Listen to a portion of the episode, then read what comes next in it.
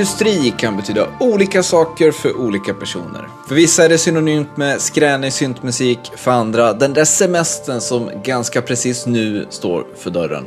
För Obiterdictum innebär, innebär det bara att pistongerna i poddfabriken stansar fram ännu ett poddavsnitt. Som vanligt med mig, skiftarbetaren Tobias Nordström och som vanligt poddvärldens Henry Ford, Billy Rimgard. Hallå. Det var en härlig öppning tycker jag. Pistongerna är sällan man eh, tänker på nu för tiden. Det är för lite pistonger i, i liksom i ens normala tankebana. Ja, verkligen. Ja. Hörru, jag tänkte på en sak. 4 juli kom och gick och 4 juli 2018 är ju i Babylon 5s timeline det datum när den första permanenta månbasen öppnade. Mm -hmm. um, jag tänker alla dessa datum från sci-fi-kulturen som kommer och går nu, mm. eh, medan vi står kvar och stampar. Är det liksom bara vattenbristen liksom från den mest dystopiska mm. sci-fi-litteraturen som vi kommer få uppleva? Eh, jag tror vi kommer få uppleva månbas, definitivt. Mm. Eh, en kinesisk månbas då. Men mm. vad heter det? Jag hoppas på en indisk. Ja. Jag är stor vän av det indiska rymdprogrammet. Sen liksom så här, det finns ju saker som redan är liksom ganska sci-fi. Alltså megacities börjar ju ta form lite grann. Jag tänker mm. runt Tokyo till exempel så Tokyo, Osaka och vad heter, nej inte Osaka, Tokyo och Shiba och Kawasaki och de där städerna sitter ju snart mer eller mindre ihop. Så att eh, jag känner, jag känner några hopp, det, det pyr. Jag tänker min tröst är så här att alla de här grejerna eh, var ju skrivna vid en tidpunkt när man fortfarande hade absoluta datum för allting. Ja. Att så här, vi bygger den här jättestora grejen, sen klipper vi bandet på ett specifikt datum. Så, så gör man ju inte riktigt idag. Numera så är det ju liksom mer en organisk utveckling av saker och ting. Alltifrån en sajt till ja, men så här, early access i spel och sånt.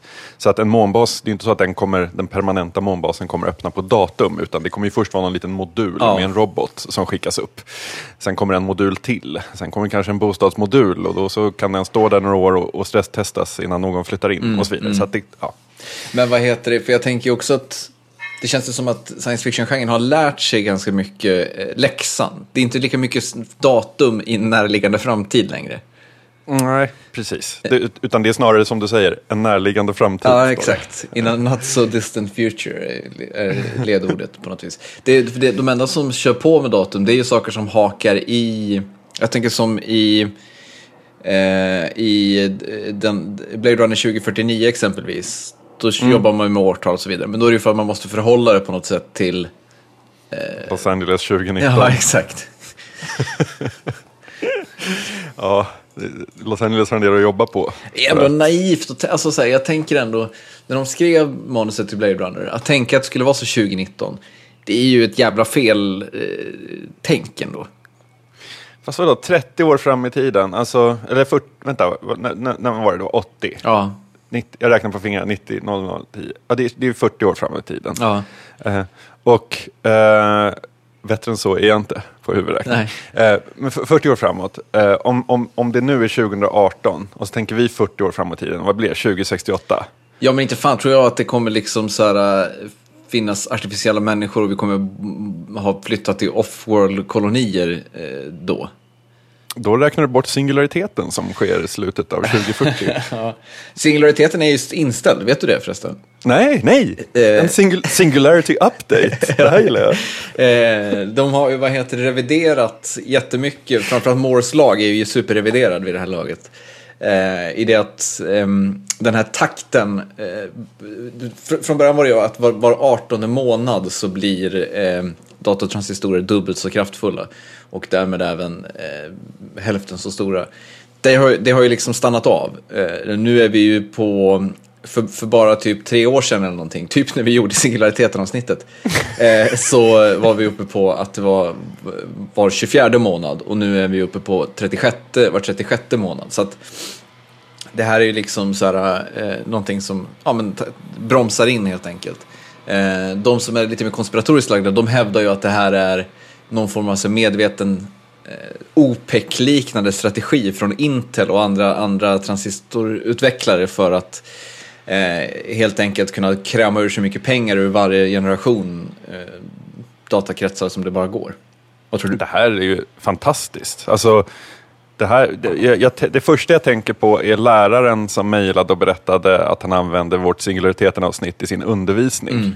Eh, det, det är det första jag kommer att tänka på, Ja. det blir lite bekymmersamt. För det andra, eh, det här, alltså... Eh, jag, är- jag är chockad. Jag, jag får helt plötsligt framtidstro. Jag tänker att mina barn kan växa upp i en värld och inte liksom bara vara kött som en AI ska liksom Ja. göra någonting med. Ja, men jag, vad heter det, eh, vad he, när jag jobbade med Fråga Lund så hade vi eh, med, det här är, jag vet inte om jag får gå ut med det här riktigt, ah, skitsamma, jag går ut med det ändå. I ett avsnitt i kommande Fråga Lund-säsongen så är, är framtidsfilosofen Karim Jebari med. Eh, och jag och han pratade ganska mycket om det här och han, han är ju också väldigt mycket inne på det här med, för han har ju forskat och skrivit väldigt mycket om AI och annat. Eh, och han menade ju, eh, han tror ju till exempel inte på att det kommer ske någon form av singularitet i där eh, datorn vaknar så att säga. Eh, för han menar ju liksom så här att eh, ett, ett, ett medvetande som vi tänker ett medvetande i formen då självmedveten är liksom någonting som kräver väldigt mycket intention i hur, när det ska programmeras. Och det är liksom så här, inte någonting som någon, menar, det här är hans ord då, inte någonting som någon, så här, någon rogue-programmerare bara kan svänga ihop. Och det är heller ingenting liksom ett datorsystem eh, på, på egen hand bara kan så här, utforma, utan det, det måste liksom till väldigt, väldigt mycket vilja och eh, vad heter det, ja men intention i att ett en sån grej skulle uppstå. Och även i det fallet det skulle uppstå så skulle det fortfarande behöva vara ett programmerat medvetande så att säga. Alltså ett medvetande som följer programmeringens lagar. Eh, eftersom att så här, eh, Ja, men precis som att en människa inte helt plötsligt kan utveckla vingar och flyga så kan, kan liksom ett datasystem inte bryta mot sin egen programmering hur som helst. Ehm, Så att han, han är ju väldigt eh, skeptisk till att det överhuvudtaget skulle eh, äga rum eh, inom de närmaste hundra åren. Liksom. Tre saker. Ja. Ett, man önskar ju att det var någonting som en rogue-programmerare bara kunde slänga ihop. Ja. Två, jag tänker så här att jag, köper, jag köper resonemanget, men vi byggde atombomben och jag tänker att även om man då behöver ha liksom, eh, 500 asbra kodare som bygger det här helt medvetet så, så finns ju faktiskt en liksom, militär användning för detta. Att hota andra med att man har den här AI. Så att det finns ett incitament att slå in, skicka in de här 500 top class Jo, bygga men- den men även- och tro att man kan begränsa den. Jo, men liksom i sig militär bemärkelse, varför skulle man vilja bygga någonting som är självmedvetet? Det är ju super, superdumt. Att, eh, alltså, visst, någonting som kan fatta egna beslut eh, och eh, vad, ska man säga, anpassa sig utefter vad- situationen ger. Det är ju jättebra ur militär synpunkt. Men någonting som liksom potentiellt sett då skulle kunna ifrågasätta sitt eget syfte det är ju inte toppen bra. Man vill ju ha någonting som lyder order fr- från militärt håll så att säga. Eh, så att så här, Universal Soldier. ja men alltså jag tänker så här, drönare är ju liksom perfekta. Eh, nästa steg är väl liksom bara helt självstyrda drönare. Eh, Ja. Men den typen av autonoma stri- stridssystem är ju också, inser ju de flesta problematiska, inte bara för att eh, det kan, de kan ja, gå, göra saker som man kanske inte vill att de ska göra, men också för att det, det, alltså man vill ju ha kontroll. Eh, det, det är väl en, det mili- militära aktiviteter handlar om väldigt mycket, tänker jag. Fast jag menar under, eh, under kalla kriget när ryssarna byggde sin eh, död, dödhandssystem eh, som gjorde att även om alla städer var utslagna så kunde det på egen hand så här, launch the missiles mot USA. Eh, så tänker jag att eh, om man har byggt detta och kan visa att man har gjort det eh, så är det en väldigt bra... Alltså, tänk, tänk om Nordkorea skulle ha byggt, byggt en sån.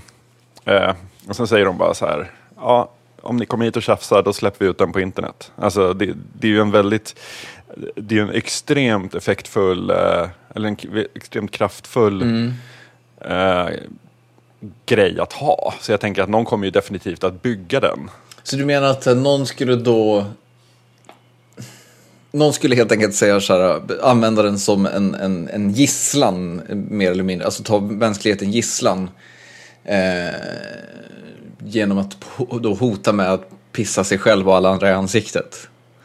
Men alltså, det har vi ju gjort sedan början av 50-talet med atombomben. Men det jag tänk, alltså, i, med atombomben finns ju ändå liksom illusionen av att, eh, alltså bara det att man, att man kapprustar och ska ha mest atombomber är ju någonting som vittnar om att man då har en form av hybris och tänker att man skulle kunna få kontroll. Alltså visst, ni kan bomba oss, men vi kommer bomba er mer. Eh, är ju ändå en tanke om att så här, vi vinner. eh, Jo, fast det är ju global annihilation som är liksom... Jo, det är det. Ja. Men, det. men det jag menar är på något sätt att så här, atombomben är ju mycket mer ett, ett, ett verktyg mot någonting. Som man, så här, visst, man fattar att eh, motståndarna kommer skicka atombomber tillbaka. Men, men eh, man vet, man, samtidigt är ju inte atombomben... Eh, det, är- alltså det är inte att man skjuter sig själv med den på samma sätt som man skulle göra med att släppa, släppa lös en, en fritt tänkande datororganism på något vis. Men på, på det här temat, jag, skulle vilja, jag har inte läst den själv än, men jag, den, det finns en aktuell bok av David E. Sanger eh, som är eh, National Security Correspondent för New York Times eh, som har skrivit en bok om eh, cyberkrig. Eh, the Perfect Weapon, War, Sabotage and, the fear, and Fear in the Cyber Age heter den. Eh, jag, jag tror det kan vara perfekt sommarläsning. Eller hörde en intervju med honom som var väldigt, väldigt intressant. Ehm, och han pratar ju mycket om det här med, eh, vad heter det, det, alltså att vi står inför en tid där krig inte kommer se ut som det har gjort. Eh, därför att vi kan attackera datasystem och annat. Men också att vi står inför en tid där vi inte har satt upp liksom stadgar för vad krig är. Alltså, förr i tiden så var det väldigt tydligt att gick man in med trupper i ett annat land, då förklarade man krig. Det, det är liksom ett attentat mot ett annat land. Nu är det liksom betydligt mycket mer luddigt vad som är eh, en krigshandling. Eh, I det att Ja, men till exempel Stuxnet i Iran, var det en krigshandling? Eller att ryssarna fifflar med valet i USA, är det en krigshandling? Det, för det är så här, man har liksom inte kommit till konsensus mellan olika länder vad som är okej att göra mot varandras datasystem och vad som är eh, en, liksom en aggressiv handling, så att säga. Ja, men liksom när, eh, när tyskarna gick in i Polen i början av andra världskriget så hade de ju stageat att Polen invaderade dem först genom att Ja. klä upp några döda soldater i polska uniformer och säga kolla, de är på vår, vår sida gränsen med en, med en tank. Typ. Mm. Eh, det är lite svårare att bara visa upp en logg från någon jävla server. Kolla här! Ja, jo. Ehm, Men, men Spännande. det, det, det, jag tänker, det är en intressant, intressant tid ändå. Det finns så många segways från det vi har pratat om nu. Ja, men jag vet, jag vill, vill bara in, jag vill bara in med en grej till, eh, som David E. Sanger pratade om i den här intervjun, som jag tyckte var superintressant. För då pratade de om det här med eh, ehm, om man skulle kunna slå ut internet i ett annat land. Och då pratade han om att säga, jo det, det kan du göra. Eh, och det är framförallt väldigt lätt att slå ut internet i USA. Eh, för att internet i USA är liksom uppbyggt av att eh, ett fåtal kablar som löper längs havets botten mellan Europa och USA eh, är intakta. Eh, och man har då de senaste åren, det här tyckte jag, det här var, jag tyckte det var helt sjukt att det här inte har fått mer uppmärksamhet. Han berättade att de senaste åren så har eh, amerikanska eh, flottans spaningsfartyg har sett väldigt eh, i, i, i vad heter det, flera, eh, vid flera olika tillfällen sett ryska ubåtar som är utrustade med en speciell typ av kabelkapningutrustning. Alltså eh, en, en stor... såg. Ja, exakt. Någon stor form av liksom sekatör eller någonting. Eh, där då, och de här skeppen, har, de här ubåtarna har då eh, helt enkelt eh, gjort rekognoseringsuppdrag runt där de här kablarna, eh, transatlantiska kablarna finns. Så att säga, ryssarna har ju det där på agendan definitivt, tänker jag. Ja, var, inte det, var det inte någon sån incident nere i Mellanöstern för ett antal år sedan? Någon kabel som hade gått av mellan, eh, mellan typ Saudiarabien och Afrika. Ah, okej. någonting. Jag minns inte, men, men eh, säkert. Kittlande ändå, Ja. man gillar ju det. Kapa kabeln. Ja, det, är också, det känns så här, det, det strider så mycket mot hur man tänker på om internet idag. Med liksom så här må, molnet inom citationstecken och liksom allt är trådlöst, det är liksom alla är uppkopplade hela tiden, det är, det är liksom 4G-uppkopplingar i telefonen och så vidare. Det gör ju att man, man, man glömmer bort att alla de här systemen är till syvende och sist ett fåtal kablar på havets botten så att säga. Lite som när man tjafsar med barnen om att det är färdigtittat på tvn eller iPaden om man till slut, i slutet av den här konflikt helt enkelt stänger av elen i hela lägenheten. Ja, exakt. End of discussion. Ja.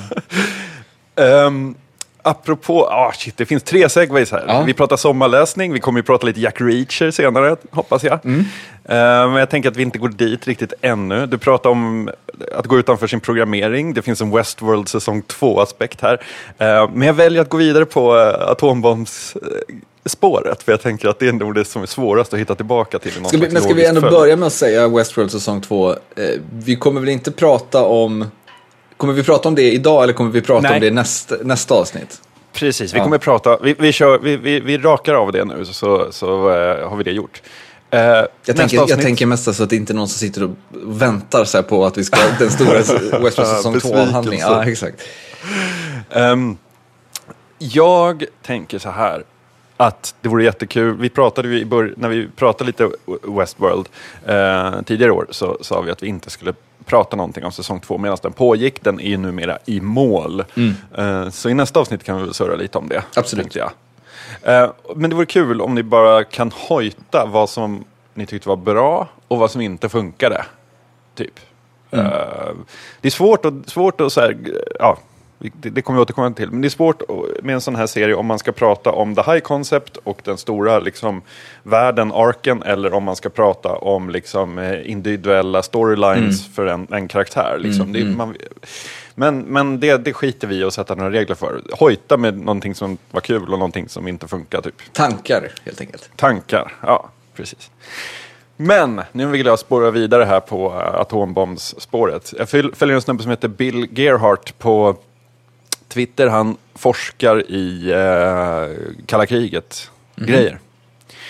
Och han hittade en uh, artikel från Pittsburgh 1960. Eh, Eller början av 1960-talet är det väl. Ehm, rubriken är Everyone doing well in Fallout Shelter.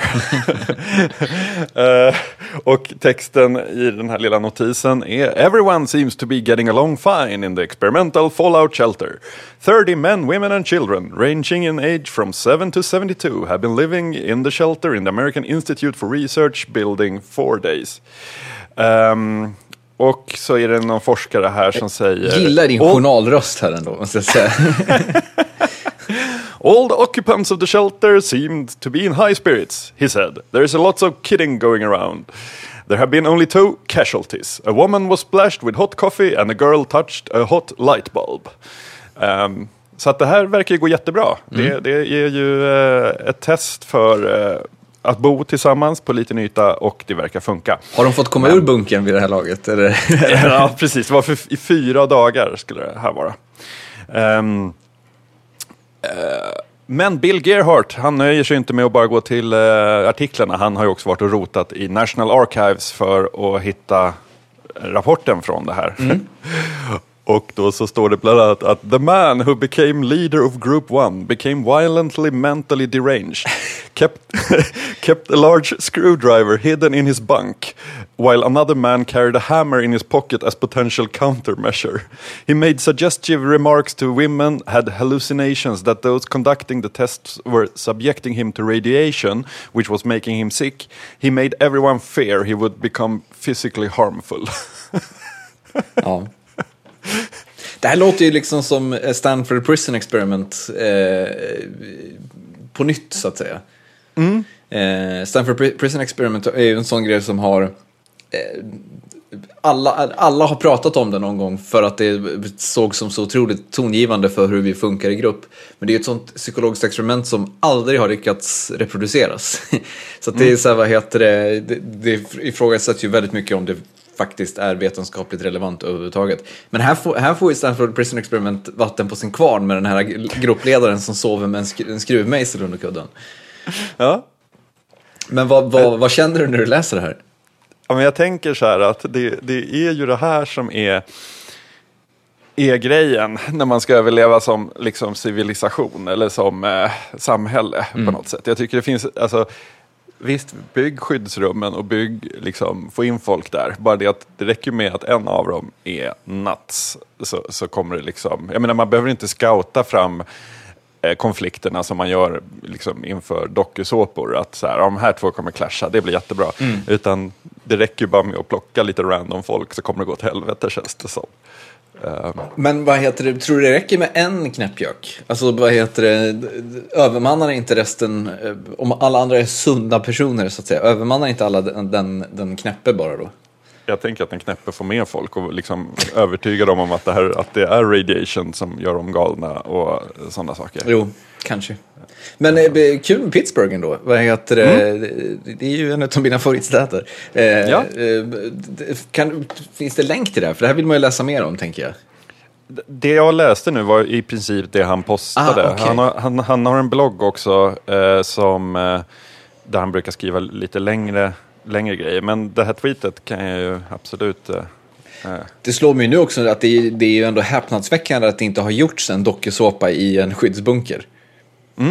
Det är, vad heter det, det alltså jag tänker att det är ju ett, ett uppjackat Big Brother på, på något vis. Det finns ju ett, eh, tv-serien Spooks om brittiska MI5 eh, har ett avsnitt där det går någon slags larm. Eh, och de tar sin tillflykt ner i en bunker. Eh, och det är liksom, de vet ju inte vad som pågår där ute för det finns inga kommunikationer. Det är liksom, de har ingen aning om om det är skarpt läge eller om det är en övning. Eh, och måste liksom fortsätta fungera i sina funktioner trots att de inte då vet vad deras anhöriga, hur de mår och så vidare. Och det finns ju någonting i det som skulle gå att skala upp till någonting, alltså konceptet eh, det, det kan ju vara en civil, det behöver inte vara någon i MI5 eller liksom i försvaret eller sånt. Det kan ju vara eh, liksom en, en civilt anställd. Eh, de, eh, eh, liksom.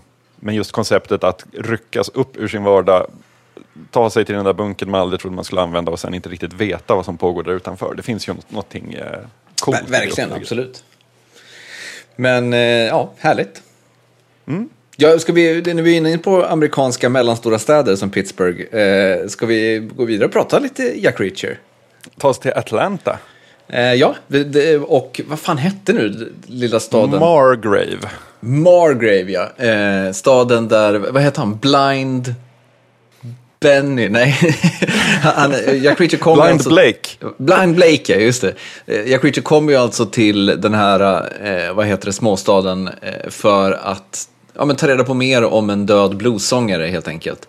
Eh, men det visar sig att det, eh, det finns lite annat som händer i den här, den här lilla hålan, kan man säga. Hela, hela starten var ju så himla härlig, för det här är ju inte bara en roam the land eh, story, utan det är också en komma till en liten stad där allt verkar perfekt, men någonting gror under ytan. Ja, verkligen. Det är ett, an, ett annat av mina favoritupplägg, där allt är lite för perfekt och allt känns lite off. Men, men eh, sitter inte den, det upplägget också lite grann ihop med Roam the Land-grejen? Alltså att man kommer till ett ställe eh, och sen visar sig att det, det pyr saker under ytan. Det, det, det är väl inbyggt i det upplägget Ja, faktiskt, faktiskt. Jo, men så, så är, jo, absolut. Det kanske, de kanske hör ihop helt och hållet.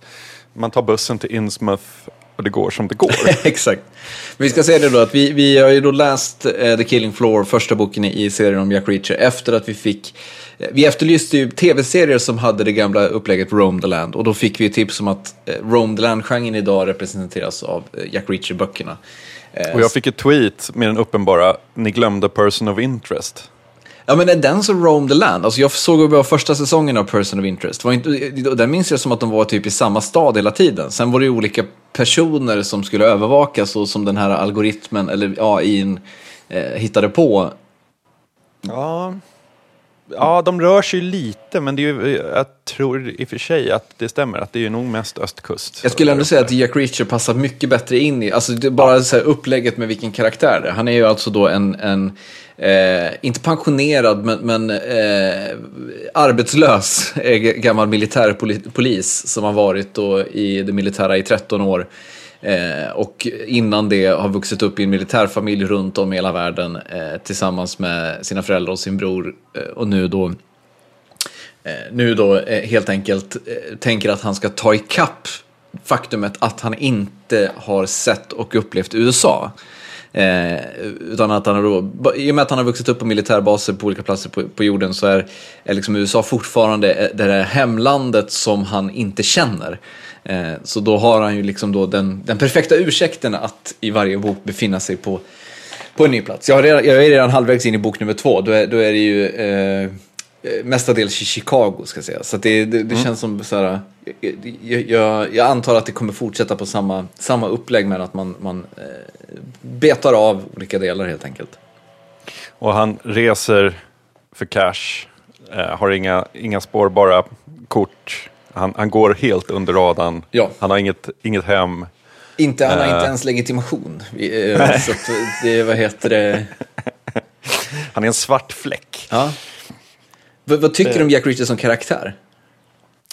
Jag tycker han är härlig. Eh, jag, jag det, det som är fint med den här sortens bok, eller fint, jag vet inte. Det, nu håller jag på, jag gräver en grop här åt mig, bara så du vet. Jag, vi får se om jag lyckas ta Får se om mig jag hoppar ur- ner med, med dig eller om jag står upp, uppe och pekar ner. Ja, men jag tycker så här. Eh, när jag ser high concept sci-fi eller liksom eh, det, eller det behöver inte ens vara high concept sci-fi. Det kan vara en enkel jävla eh, kriminalare. Eh, så stör jag mig på eh, när skeva grejer eh, liksom upprepas. Och, alltså exempelvis eh, FBI-agent som är ute på räd i högklackat och man bara nej, här, hon skulle inte ha högklackat, lägg av. Liksom. Ehm, eller high concept sci-fi där liksom man gärna bara zoomar in någon kvinnas, eh, kvinnlig karaktärs rumpa för att det var, liksom, passade i det shotet. Alltså du vet, så här, då, då kan jag bli så här, men what the fuck. Jag, jag säger inte att jag är perfekt och att jag liksom är medveten om alla... Alltså så här, nej, det är jättemycket som går under min radar också eftersom ja, men man är ju den man är ju den vita medelålders man man är. Så, så att det är självklart massa grejer jag inte ser, men vissa saker ser jag och jag stör mig på dem. Vi närmar oss Roscoe här anar jag. Eh, nja, Ja. eh, nja. f- för i en sån här bok så är det ganska skönt ändå att så här, Jack Reacher, han är liksom han är så mycket man man kan bli. Ja. det, det går liksom inte att bli mer man Nej, än vad. Ja- Jack Reacher. Ehm, och det etableras ju i, på första sidan. Liksom. Skogshuggare känner sig otillräckliga i sin manlighet när, när man Oh, ja. läser om Jack Reacher. Ja. Oh ja. Och när det är den där, så här superheterosexuella, bredbenta kraftmannen som gör gott. Äh, äh, men du vet, så här. Dessutom då the strong silent type. The strong silent type. Det är liksom, det är ju, ja, men, han är ju nästan Batmansk i, i sin, hela sin aura. Liksom. Och då är jag ändå helt okej med det, för det här är inte någon bok som försöker göra någon, den har inga andra ambitioner. Den försöker inte berätta om någonting. Nej, det här är, det är ju en rökare i bokform. Så att säga. Verkligen. Det, och och, och det, det, liksom, det finns ingen anledning att förvänta sig någonting annat. Ehm, så det är lite så här, eh, jag kan lägga liksom undan allt det jag sitter och stör mig på i hur man liksom porträtterar minoriteter eller liksom po- porträtterar eh, den snygga eh, kvinnliga sidekicken eller sådana här saker som jag kan, verkligen så här, kan sabba för mig i andra grejer för jag tycker det är unket. Liksom. Men tycker du det är så Ehm. tveksamma porträtt av den kvinnliga sidekicken och minoriteter i den här boken? Nej, nej, det är det det inte är. Jag Nej, tycker nej. Så här, både, Roscoe, som är liksom den kvinnliga snuten som han eh, utreder det här med och ligger med såklart. Ehm, eh, och Finlay, den, den svarta eh, Chief of Detectives. Alltså nej, absolut inte. Jag tycker de, båda de två är ju asgrymma. Liksom. Så att, nej, jag tycker inte att det är tveksamt. Men bara det här, alltså just den här Alltså han som protagonist är ju ändå en superklyscha. Liksom. Alltså det går ju inte att bli mer klyschig än så. Nej. Och jag är helt okej med det. det är Ja. så här, jag, jag, jag tycker det är, ehm, det är lugnt. Liksom. Ja, alltså jag måste säga, jag hade ju eh, under, fr- fram till och med, vad heter det, mm, 2017, eh, eller fram till och med, men, men eh, 2014, 15, 16 så hade jag ett projekt där jag skulle läsa en bok i veckan. Och jag höll i det ganska bra i, i tre års tid. Eh, jag tror jag låg på Eh, 50 böcker om året de tre åren. Eh, och sen då så fick jag liksom någon form av så här, eh, Bill håller på att dö nu av att jag satte vattnet i halsen. Det var kul att lära känna dig. Ja. Sorry, sorry. Var det vatten, Vatten i- vatten i vrångstrupen? Ja, vatten i fel strupe. Ja. Ehm, så att jag, jag läste väldigt mycket de åren. Ehm, och det ledde då i sin tur till att jag 2017 hade någon form av så utmattning. Jag, jag läste typ, jag tror jag läste en bok 2017. Eh, och nu under 2018 så har jag också läst en bok. Eh, fram tills jag började läsa, eh, vad heter det, The Killing Floor. För den, den så här, i och med att den var så otroligt lätt att komma in i och allting bara händer. Eh, så gav den mig en otrolig så här, mersmak på, på att börja läsa igen. Så jag dundrade in en bokbeställning på 20 böcker eh, häromdagen. Eh, eh, inte då bara Jack Reacher-böcker, bara, jag beställde bara, bara två Jack Reacher-böcker. Eh, men så, här, så, så jag tänker att så, den, den är... För det finns ju någonting i det här extremt lättillgängliga. Det, det är så här, vad heter det? Det finns ju inte en sida som har liksom exposition. Allting är, är bara handling som rör sig framåt. Det är, Ja. knappt, det är knappt någon, alltså all dialog i hela boken är bara saker som, som ska föra handlingen framåt på ett eller annat vis. Eh, och det fanns någonting väldigt befriande i det kan jag känna eh, efter att ha liksom, men varit utmattad på läsning på något vis. Men jag, jag hade en sån aha-moment för ett par år sedan där jag hade, liksom, jag hade köttat med de här stora 800-sidiga liksom, fet sci-fi böckerna och sådana saker. och så var jag verkligen utmattad på samma sätt. Och då så gav jag mig in på en serie som hette eh, Vattas War av Elizabeth Moon. Som handlar om en, eh, jag kommer inte ihåg hela, hela detaljerna nu, men det är i alla fall en, en tjej som är uppvuxen i en militär slash government-familj. Eh, i rym, alltså det är rymd, eh, rymden, klassiskt här, åka mellan planeter och trada grejer. Ehm, och hela hennes familj blir liksom dödad av någon rivaliserande familj. Eh, så att hon börjar med bara, de tror att hon är död också. Eh, så hon börjar med ett litet skepp eh, i början av första boken. Helt inställd på att hon bara ska hämnas och döda alla som har liksom haft med hennes familjs eh, grej att göra. Eh, och det är verkligen den här hon minar lite asteroider, hon reser mellan ställen och det är bara handling som du säger. Eh, hon blir fetare och fetare med liksom större större skepp, mer och mer crew. Alltså man bara känner det kommer på väg mot den här stora hämnden. Och det var också en sån, alltså den var eh, as liksom som eh, sån här, eh, vad, det finns ju en term för, eh, alltså eh, fan, jag kommer inte ens ihåg den, men den, den sortens sci-fi där man bara reser runt och skjuter och liksom så. Eh, som sådan så var ju den exakt samma sak som Jack Reacher. Ja. nämligen, Ja. Så jävla kul, så jävla kul att läsa sånt. Man fattar ju varför det blir så här eh, bestseller liksom. Ja, verkligen. Eh, det, det är ju så här, som sagt, jag har ju gett mig i kast med bok två här. Jag kommer ju inte läsa, eh, vad är det, 22 böcker om Jack Reacher det finns.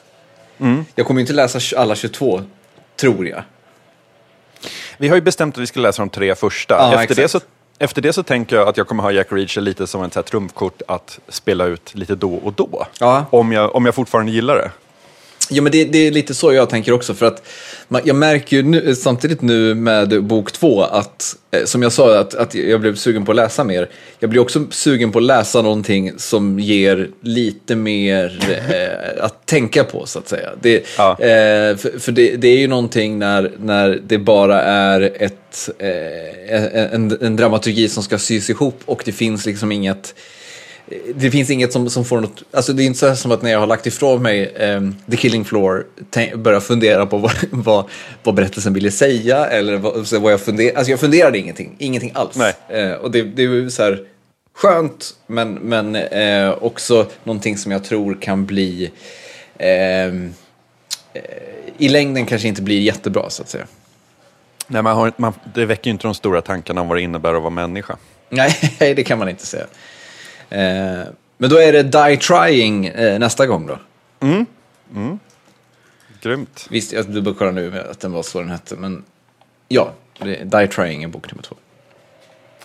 om vi ändå ska prata om sommarförströelse så har jag lyssnat på en eh, BBC-dokumentär, eller din podd, eh, om The Doorstep Murder. Ett jäkligt mystiskt mord som skedde i Skottland 2004 som ännu inte är löst. Sommarmord helt enkelt. Ett klassiskt sommarmord. Um, Oh, vänta, ett, ett kort sidospår bara innan, det- innan vi går, går helt ner i, Ja. i Skottlandsmordet. Vad heter det? Tänkte du på det? Den här, eh, den här historien om de här pojkarna i Thailand som är i den här grottan. Fick inte den jättemycket utrymme bara för att vi inte har ett sommarmord? Så vi- bra tanke, ja. För det, vi behövde, det var som att här, tidningarna behövde eh, en, en, liksom, en följetong eh, i någonting som är liksom hemskt och dramatiskt och, och samtidigt lite spektakulärt. Eh, och det har liksom inte varit något, något, något sånt liksom kittlande hemskt eh, sommarmord riktigt. Utan så här, de morden som har varit de senaste månaderna, det är liksom mer så här gänguppgörelser och liksom, alltså ren kriminalitet. Eh, och det, det funkar liksom inte i, i, det, den, eh, i, i det narrativet, så att säga. Eh, för det, jag, vet inte, jag tänkte bara på det, att, så här, varför, varför sitter vi och bryr oss jättemycket om det här? Alltså, det känns som att det händer sådana grejer hela tiden. ja men vänta bara till så här, slutet av juli, sommar-VM är eller fotbolls-VM är slut, det händer inte så mycket, marken är snustorr. Då slashas någon jävla turist som sover i ett tält någonstans. Då, då, då, då är vi på tåget igen. Då är de där pojkarna i Thailand glömda. Nej men alltså den där storyn det är ju verkligen en sån sak som har allt. Man kan rapportera minut för minut och det är spektakulärt och det är hemskt och det är, ja. ja, det, som sagt, det var eh, ett stickspår. Till, till, tillbaka till eh, BBC och, och ditt sommarmord. Just det, The Doorstep Murder som i och för sig skedde i november. Så att det är ju...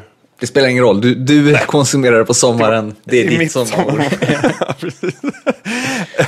Ehm, och det, det är sex delar, väldigt... eh, ja, men, Vissa har en konstigt. sommarromans, Billy har ett sommarmord. Det, det, Men det gör mig ju på intet sätt unik. För jag Nej, skulle nej, säga att mo- ett sommarmord, att ha det är lika mycket svensk sommar som rosévin och borrelia. Ehm, men grejen är att det som jag tycker är lite spännande är ju att dels, om, man, om man tänker de här sommarmorden i media som vi pratar om, men även då att det är så här, det går Midsummer Murders på, på eh, SVT. Jag vet inte om det gör det i år, men det har gjort det varenda sommar sedan jag, typ, ja, så länge jag minns.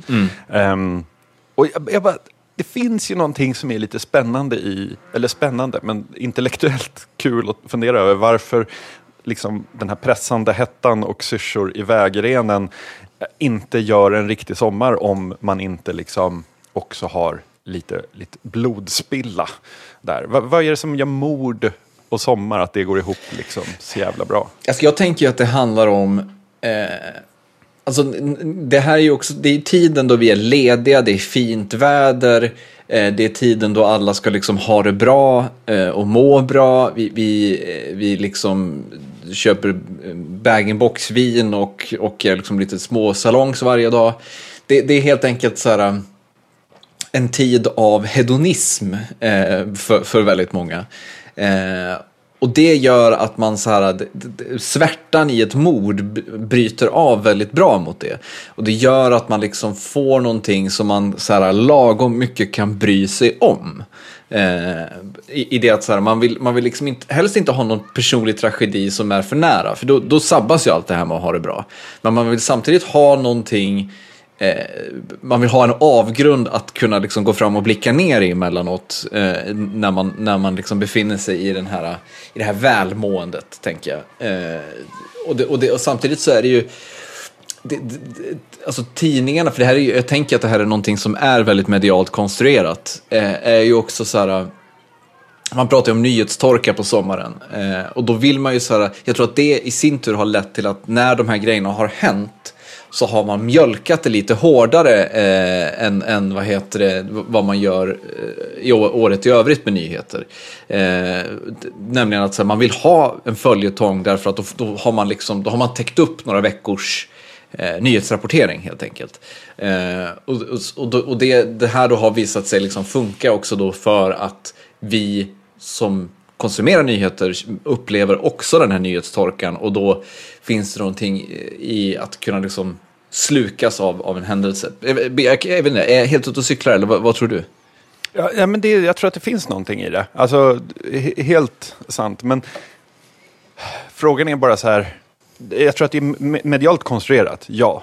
Uh, men tänk, tänk så här Omsälemorden med Joa Valjakalla på flykt och sånt. Alltså det var ju så här det perfekta det perfekta sommarmysteriet på något mm, vis. Mm. Bara, nu har de synts där borta och nu har de synts här och folk sitter och, och grillar utanför sin husvagn och sätter liksom fulölen i strupen för att de har synts på den orten de är i. Ja men du vet, så här, det ja. finns någonting, det, det finns ju väldigt uh, det, ja, det finns något extremt dåligt oh, i det vänta, också. Är det också det här med att det är, på, det är bara på sommaren vi svenskar är utomhus? Så, att, ja. så då, då, vill man att det ska finnas någonting lite farligt där ute. Ja, precis. Vi har inga farliga djur. Så på, vi, ja, exakt. Liksom... På vintern behöver vi inte oroa oss om eh, det, det springer runt en seriemördare ute, för jag är ju inte ute, så att säga. det, det,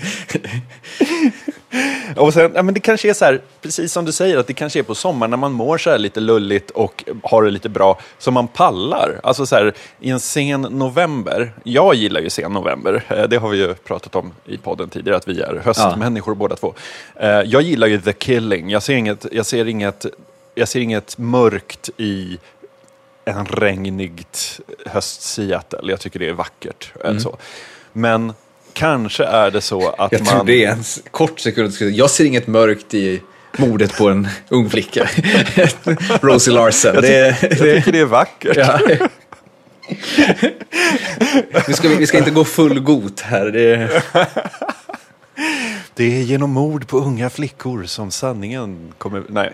Um, nej men alltså jag tänker så här att om man sitter i ett så här snöslaskigt februari i Stockholm så kanske det bara blir för mycket med en snöslaskig mordhistoria. Ja, jo. Alltså så här, medan på sommaren så kan man liksom götta sig lite åt det. Man kan så här gnugga sig lite mot melankolin.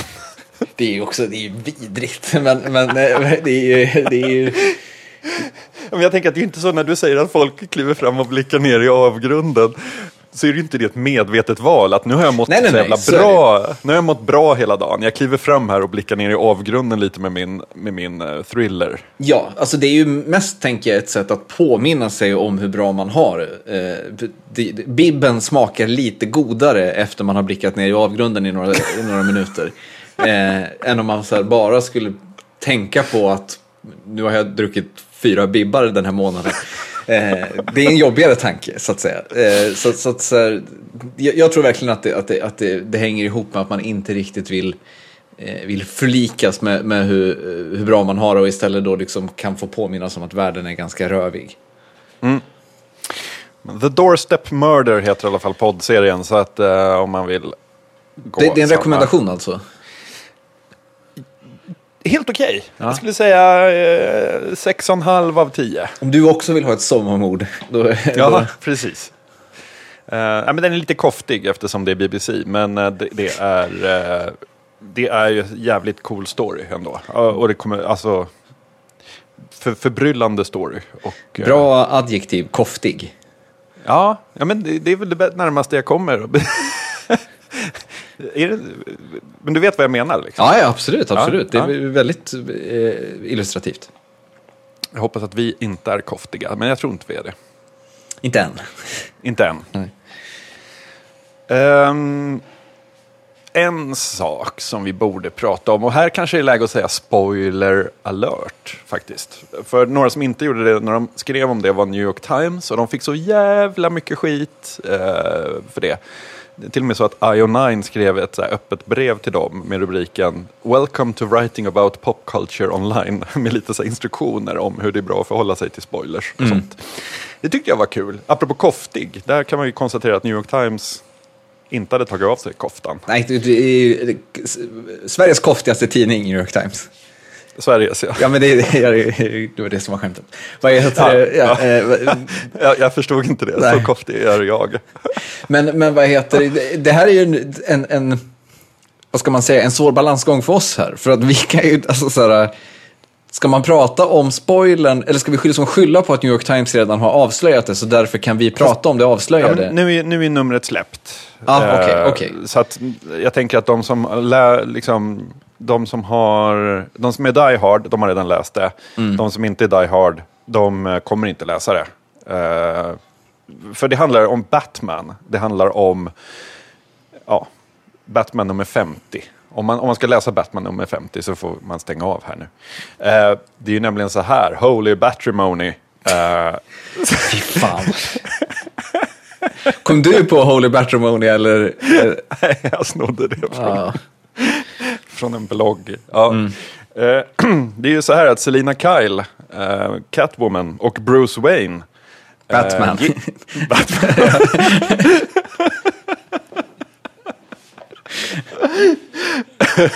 ska gifta sig eh, Ja. i nya numret av, eh, eh, Eh, av Batman. Det har ju spirat lite kärlek mellan dem eh, och nu så bestämde de sig att de ska träffas på ett hustak en natt tillsammans med en judge och två vittnen för att gifta sig.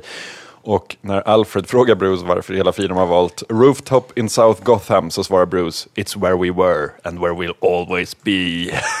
Lite fint tycker jag. Alltså så här, vad heter det? Jag har inte läst numret, men, men vad heter det? Kikat lite, lite smått så här. Jag måste säga att jag är ju emot här. Ja, För jag tänker så här, he, hela grundbulten i dynamiken mellan... För det finns det har alltid funnits en, liksom en will they, won't they grej mellan Selina Kyle och, och Bruce Wayne. Eh, och jag tänker att det, det, det, det, alltså, det dör ju helt när de nu gifter sig. Och det är också hela poängen med att så här, varför skulle de vara gifta? Jag fattar, det, i, det, i det liksom så här, i det mer mänskliga perspektivet så är det väl för att de älskar varandra. Men, men, men eh, det, det, det, jag vet inte, jag, jag, jag, jag känner att det här känns fel. det kände Selina Kyle också, för hon fick kalla fötter. Det vis, visste jag inte. Det, det var en spoiler även för mig. Men eh, berätta mer. Ja.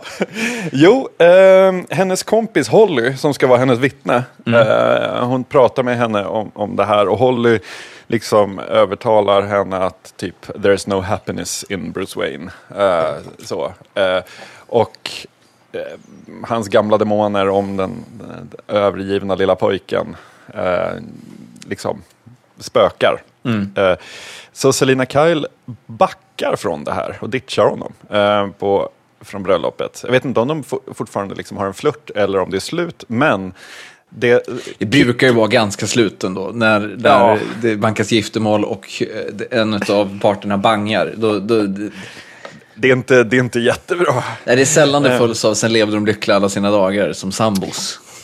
Men sen eh, så får ju det här en twist då, nämligen att Holly, hon som har eh, liksom pratat Selina till sans, eller vad man ska säga. Eh, hon är ju eh, inte kanske den bästa kompisen, för att hon är nämligen del av en plott som Bane med flera ligger bakom. Eh, man ser Bane sitta eh, och prata med Holly. Bane sitter på, eh, det ser nästan ut som en tron och så bara säger han The bat is broken. Så att det här är liksom, när de inte kan krossa honom fysiskt så ska de försöka göra det, krossa honom emotionellt istället. Jag tycker det är lite synd. Jag tycker att kärleken ska få spira. Du, du är för alltså eh, paret Kyle Wayne. ja, jag är för det. Berätta varför. Jo, men därför att det finns ju någonting hos superhjältarna som är lite tråkigt, nämligen att de alltid ska vara status quo. De kan inte dö, de kommer alltid tillbaka, det finns alltid liksom... Om, alltså de snackar om att inte kunna gå utanför sin programmering. Eh, De, de är liksom... De är Jag kan nästan säga att de är arketyper. Ja, verkligen. Definitivt. Eh, och det har ju funnits en anledning till det. Alltså vissa saker är som de alltid har varit och så vidare. Men det är just där, vore det inte lite kul om det här skedde och det se- sen blev så över alla eh, delar i franchisen så att i nästa Justice League-film exempelvis så, så är de gifta. Eh, det, det, det du sa nu, det är ju det någon har sagt på, eh, vad heter det, DCs kontor. Vore det inte lite kul? och det är där någon direkt borde ha liksom slagit näven i bordet och sagt så här, hörru nu sitter vi i Batman-redaktionen här. Vi leker inte med saker som, vore det, lite, vore det inte lite kul? Det, vad heter det? För jag tänker så här, om han då ska vara lycklig och gift, alltså Batman utan demoner, det är ju inte Batman. Fast det kommer vara, det kommer vara a married man's demons. Jo, men det, alltså, det är för mycket, för mig är det för mycket eh, the golden age of comics. Då ju till exempel eh, Superman och eh, Lois Lane var gifta, vilket ju var så här... eh, hur fan ska man beskriva det? Jag har inte läst jättemånga nummer, men jag har läst några stycken fr från den eran. Och det är ju så här saker som liksom att så här, Superman sitter hemma i, i Superman-dräkten och äter frukost som Louis Lane står och lagar. Alltså man, det, det, det, det är liksom så här, du dödar liksom allt när du ska föra in det här domestic-perspektivet på, på, Men- på Men, men superhjältarna. jag, tänker, jag tänker så att både Selina Kyle och Bruce Wayne är ändå två ganska trasiga själar. Liksom. Kunde det inte varit lite fint för dem om de hade kunnat få mötas och liksom haft något mer än bara en fling? Så jag tycker det är väl illa nog att, att liksom Batmans son var Robin. Det, det, nej, nej. Jag, vill- jag vill säga, Batmans familjesituation, den är non-existent. P- PGA-tragik. Och det är så det, det borde förbli. Eh, jag är liksom starkt i det, i det lägret här. Men eh, hur ser du mot det Holden vänder sig åt nu då? Att, liksom, att, att han har liksom kärat ner sig i henne eh, används nu som ett verktyg av eh, The Villains. För att liksom, de, de är ju på samma linje. Du, du är ju Bane här och vill att hans familjesituation är tragik och ska så förbli på något vis. Eh, Alltså jag tänker ju så här, vad heter det? ehm, om han, han är ju liksom the world's greatest detective. Eh, om han inte har sett det här eh, vara på väg, då, är, då kan han ju börja med att ifrågasätta sina, sina skills lite grann. Men, men vad heter det? Det, det, det är inte... han kanske alltså, ville vara the world's best lover också. det, är alltså, så här, det är inte den starkaste Batman-storylinen jag har hört, känner jag riktigt. Det är alltså... För det, vad, vad, och vad är tanken då? Att då kommer han liksom vara kärlekskrank och knäckt över att ha blivit lämnad vid altaret. Och därmed så kommer de kunna eh, komma åt honom på något vis. Jag vet inte, det, det, det, det, det, här är liksom hashtag not my Batman känner jag. Ja, men, men kommer inte han sitta hemma nu med, med flaskan och bara skita i Gotham? Du tänker så? Eh. Kommer- Kommer, den heart, kommer en heartbroken Batman... Han kan, fan, Bruce Wayne har nog fan rätt jävla stor potential att bli rätt patetisk som dumpad. Det tror jag definitivt. Men Batman får ju inte vara det. Alltså så här, han får inte låta... Eh, alltså hela poängen är ju att, de är, att han använder Batman för att få utlopp för sina liksom... Med sina demoner, sina, sin, sitt känslomässiga mörker. Så det är ju andra sidan skulle man kunna argumentera för att Batman blir ännu starkare av det här. Ännu mer orakad, eh, lite mer... Den här bib, sommarbibben den har redan öppnats. Jo, men det här blir liksom en påminnelse om att han kan förlora allt, precis som han gjorde i sin, i sin, i sin barndom, så att säga. Eh, ja, jag, jag blir så lite sugen nu på att här, hänga med i hur hur den här storylinen artar sig. Ska vi, ska vi göra så att vi, vi tar rygg på Batman nummer 50 här och ser eh, Ja. vartåt det här, vart det här sticker iväg? Ja men verkligen, det kan vi, det kan vi också ha som någon slags update. Fan, våra, från och med nu kommer podden bara bli en lång update på regnande djur och bitcoins. Singulariteten Och och Batman. Ja, det, det, Som det alltid har varit kanske. ja exakt. Det, det var det jag skulle säga. Det, det är väl där vi alltid har varit och, och harvat.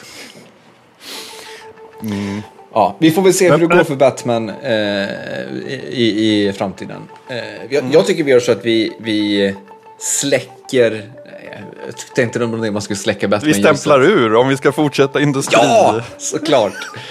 Eh, förmannen ringer i klockan, det är dags att stämpla ut helt enkelt. Eh, Ja. Kom ihåg nu att skicka eh, tankar om Westworld säsong 2 eh, till kontakt oddpod.se eller lämna det som kommentar på oddpod.se eller skriv på Twitter. Ja, ni vet, allt är det goa. Så vad heter det, så hörs vi eh, om två veckor igen och, och snackar lite Westworld säsong 2 helt enkelt. Ha det fint där ute i sommarhettan. Ta hand om er.